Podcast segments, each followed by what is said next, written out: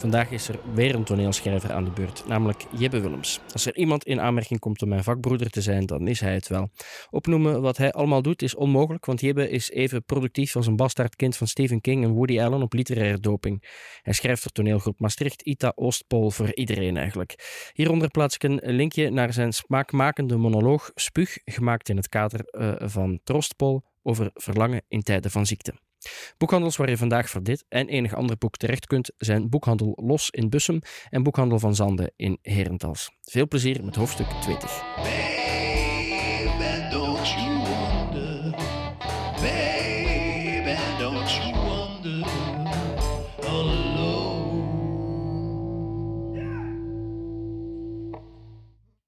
Het was de stem van een vrouw. En in de toon van die stem klonk geen cynisme door, maar regelrechte, onversneden woede. Eerst dacht ik dat het mijn dochter was. Ik draaide mij meteen om en zocht naar Amy's gezicht, maar ook zij keek zoekend achterom. De vrouw zat helemaal links, achter in de zaal, en was aan het eind van haar plotse uitbarsting opgestaan. Ze was een jaar of vijftig, moest ooit blond haar hebben gehad en was langer dan ik me had voorgesteld. Ze dronk, dat zag ik aan haar gezicht, dat voor de rest zowel een vervlogen jeugd als strijdlust uitstraalde en ze trilde over haar hele lijf, alsof het de allereerste keer was dat ze zo tegen iemand was uitgevaren en ze zelf nog het meest geschrokken was voor wat ze net had gedaan. Na haar eerste exclamaties had ze op het eerste gezicht niet veel meer te zeggen. Het was pas nadat Talita haar lieflijk aanmaande om de ruimte te verlaten, dat ze pas helemaal uit haar krammen schoot. Weten jullie wat dit is? Hersenspoelen. Weet je wat ons als mens anders maakt dan dieren? Snappen jullie wel wat het is dat ons de macht heeft gegeven om steden te bouwen, landschappen te hertekenen en mensen op de maan te zetten? Gedachten, onze verbeelding, de dingen die wij ons voor kunnen stellen, de illusies die wij koesteren en delen. En wat moet ik hier komen doen? Op een kussen zitten en mijn aandacht richten op mijn bovenlip? Talita kwam op dat moment begrijpend en bemiddelend tussen beiden. Het spijt me heel erg, mevrouw, dat u dit zo heeft ervaren. Wel goed van u dat u dit met ons wilt delen, zei ze. Weet u wat het is, mevrouw?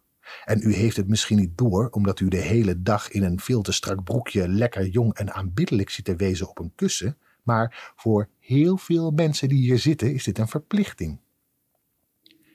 Ik ben vorige week bij mijn bedrijfsarts geweest en die zei me doodleuk dat mijn contractvoorwaarden het jammer genoeg niet toelieten om ziekteverlof te nemen. Wel bood hij me een gratis mindfulness cursus aan van acht weken, deels gefinancierd door jullie menslievende bedrijf. Hij zei me dat ik die eerst moest volgen en daarna, als de klachten nog niet over waren, weer op consult mocht komen.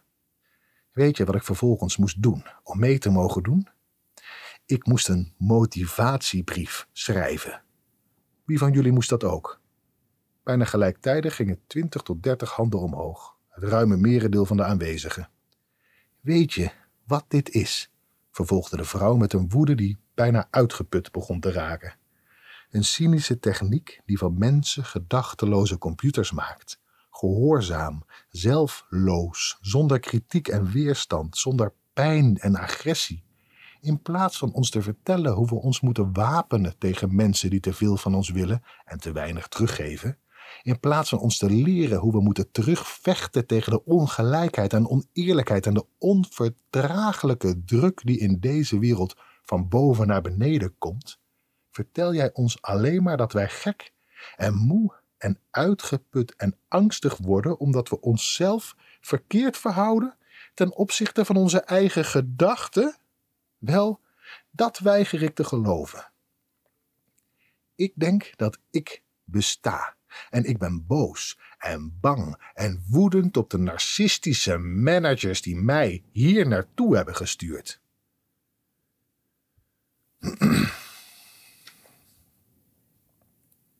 Haar echtgenoot was klinisch psycholoog, vertelde ze.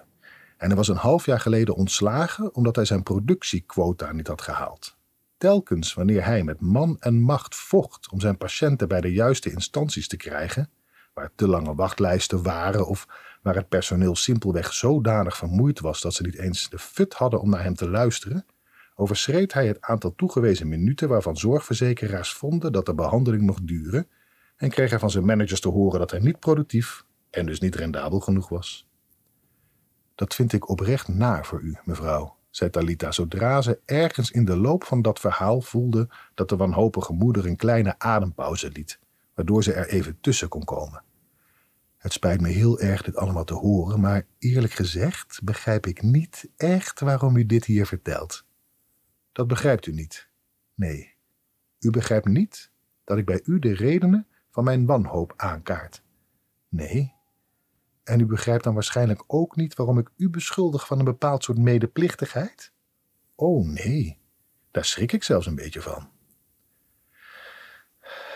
Ik beschuldig u van medeplichtigheid omdat u ons verplicht om achteraf een enquête in te vullen, waardoor u cijfers vergaart waarmee u dit programma achteraf aan bedrijven kunt verkopen. En ik beschuldig u van medeplichtigheid omdat u mij vertelt dat ik op mijn kont moet blijven zitten en diep in en uit moet ademen. En vooral dat ik verdomme aan mezelf moet werken, zodat ik nog meer moet en kan waarmaken, terwijl ik verdomme uitgeput ben en bang. En terwijl ik een opstand wil komen, ik wil muren afbreken, gebouwen opblazen, systemen ontwrichten. Dat is wat ik wil doen. Op dat moment verstrakte het strenge maar vriendelijke gezicht van Talita en ze vroeg de vrouw nogmaals, resoluut en zonder haar stem te verheffen, of ze het pand wilde verlaten. De rebelse dame keek Talita lang en kil aan en begon daarna rustig haar spullen te pakken. Wacht, riep ik. Ik was ondertussen opgestaan. Een activiteit die na 45 minuten stilzitten voelde alsof ik een paar dagen na mijn eigen begrafenis uit mijn graf probeerde te klimmen. Het eerste wat ik deed was eindelijk mijn onderbroek en de inhoud weer naar de juiste plek brengen. Amy keek mij aan alsof ik net het einde van de wereld had aangekondigd. Amy, waarom zeg je niks? vroeg ik. Ik snap het niet. Elke cel in jouw lijf vindt dat deze vrouw gelijk heeft. Waarom zeg jij hier niks van? Louis, alsjeblieft. Hoor je wat ze zegt, Amy? Deze vrouw is kwaad. En ze is kwaad met reden. Ze heeft geen behoefte aan een ademhalingsoefening, maar een echte verantwoordelijkheid. Jij bent ook kwaad, Amy. En ook jij hebt behoefte aan echte verantwoordelijkheid. Louis, lieverd, dit gaat je helpen. Louis, wat? Hou je mond, pap. Je hebt net in 15 seconden alles kapot gemaakt waar ik weken voor heb gewerkt. Nog voor ik daar iets op kon zeggen, rende ze weg. Tussen die yogamatjes door, eh, weg van de recalcitrante vrouw met haar overwerkte man, weg van Talita, tegenover wie ze zich nu onmetelijk schaamde, weg van al die gespannen en vermoeide zielen die als kind verteld werd dat ze in het meest vrije land ter wereld leefden, en die tegelijkertijd dag na dag het gevoel hadden dat ze geen kant meer op konden. Ik stormde achter haar aan, de regen in. Buiten was ondertussen de duisternis ingetreden maar daarvoor was ik al lang niet meer bang. Aan het einde van de straat vond ik haar weer terug. Amy was in haar vlucht blijven haperen vlak voor de ingang van een metrohalte, opgehouden door een stroom forensen die net klaar waren met hun werk. Zodra ze mij zag, draaide ze zich om en stormde ze meteen op mij af. En nog voor ze me bereikte, zag ik precies in haar gezicht wat die vrouw daar net bedoelde. Amy zag er net zo getergd uit als de mensen op de yogamatjes in die garage. Ze was al weken rondjes aan het rennen. Al weken spande ze zich in, putte ze zichzelf uit om toch maar gelukkig te zijn. Sorry, zei ik. Daarnet was niet de plek, nog het moment. Het spijt me. Louis, wat? Ik kan het niet, oké? Ik, ik, kan niet naar de kern of de oorsprong of het fucking midden van de cirkel, hoe je het ook zegt. Ik kan het niet. Ik moet er wegblijven. En jij ook. Want de dingen die daar in die put zitten te wachten, willen mij kapot maken, Louis. Snap je dat dan niet? Ik kan het niet. Nu nog niet. De komende jaren niet. Misschien nooit. Dat snap ik, Amy. Dat snap ik.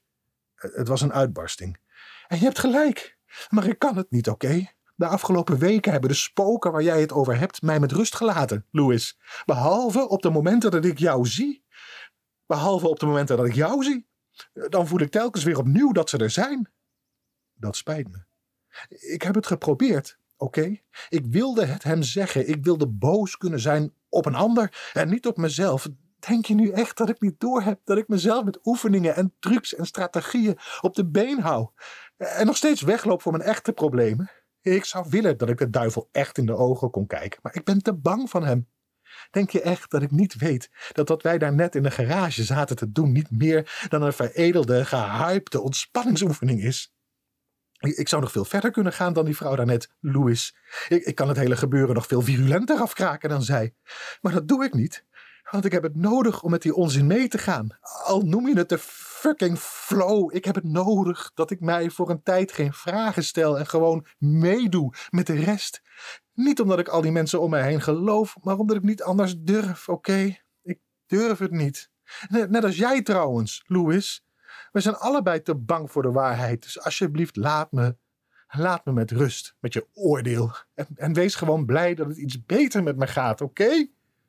Met de mouw van haar rechterhand veegde ze de tranen en snot van haar gezicht. Ze rechte haar schouders en probeerde zichzelf te vermannen. Ik snap het, zei ik.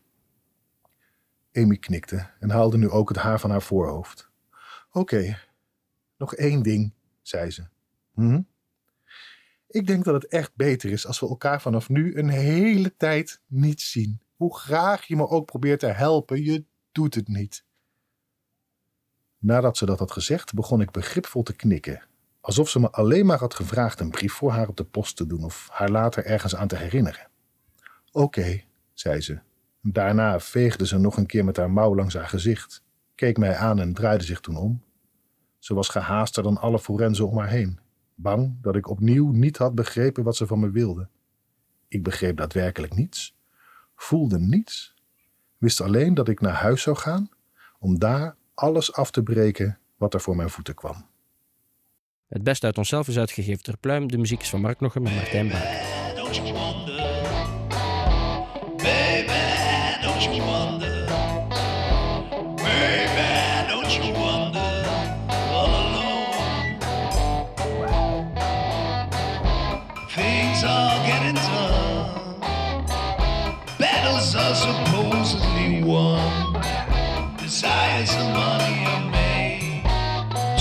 avoid.